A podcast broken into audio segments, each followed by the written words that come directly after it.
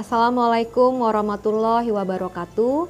Saya Dr. Sheila Noberta, SPAMKes, Bunda Literasi Kabupaten Oku Timur. Saya mengajak kepada semua masyarakat Oku Timur untuk bersama mewujudkan visi besar Pak Bupati untuk mewujudkan Kabupaten Oku Timur menjadi kabupaten yang maju dan lebih mulia.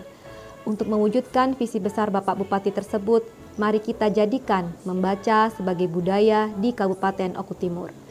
Dengan membaca, dunia dapat kita genggam. Dengan mengaji, kita akan mendapatkan akhlak yang mulia. Mari kita wujudkan gerakan setengah jam membaca dan mengaji setiap hari. Mari kita dampingi putra dan putri kita dalam membaca dan mengaji.